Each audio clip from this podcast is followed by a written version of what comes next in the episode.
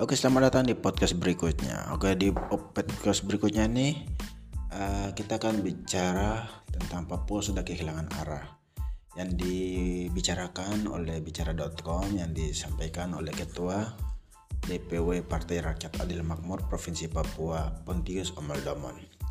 Kata Pontius Omaldomon di sini situasi dan kondisi rakyat Papua saat ini seolah sudah kehilangan arah karena tak adanya sikap yang jelas dari pemerintah pusat maupun daerah. Menurut Wakil Ketua DPW Partai Rakyat Adil Makmur Provinsi Papua, Pontius Omoldomon, agenda penting yang terutama ialah mengatasi persoalan konflik horizontal yang terjadi secara sistematis dan terstruktur. Oke, dia juga lanjut mengatakan bukan hanya kita lihat pada konflik antara OPM dan TNI Polri akan tetapi kehilangan nyawa rakyat sipil Papua akibat penge, uh, pengejaran dan tabrak lari menembak secara brutal terhadap rakyat sipil dengan dalil punya jaringan dan pendekatan terselubung dengan pimpinan OPM dan masih banyak contoh kasus lainnya. Ungkap Omoldomon Senin 28 6 2021. Lanjut kata Omoldomon kemudian sambung Omoldomon proses Revisi Undang-Undang Otsus Nomor 21 Tahun 2021 dengan membatasi kewenangan hak menyampaikan pendapat kepada Lembaga Prefektif Rakyat Papua, Majelis Rakyat Papua MRP atau DPR Papua atau juga keterwakilan eksekutif dalam hal ini Gubernur Papua.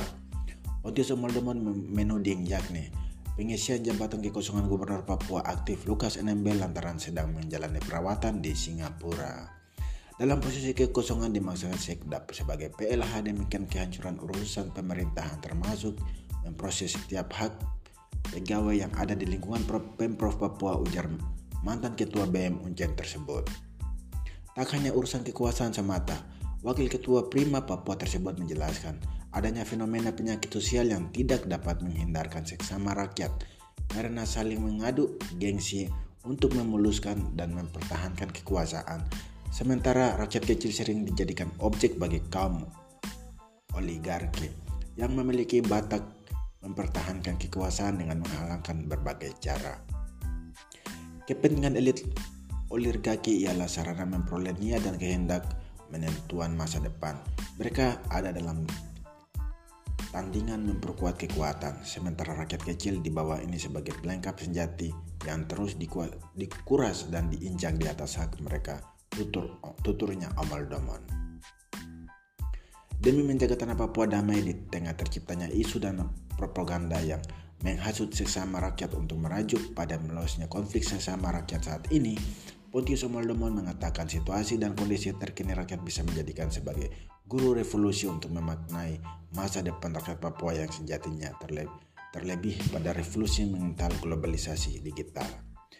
Kita saat ini berada pada era digital, tetapi secara kualitas generasi muda saat ini lebih banyak terjerumus dalam hal-hal yang tidak membentuk karakter pemimpin masa depan di atas negerinya sendiri. Situasi saat ini membutuhkan kualitas, bukan andalkan kuantitas ekstra. Demikian Om Domon mengakhirinya. Oke, selamat. Itu eh, di bicara.com yang dapat saya bahas di, pon, di podcast kali ini. Sekian podcast kali ini dan terima kasih.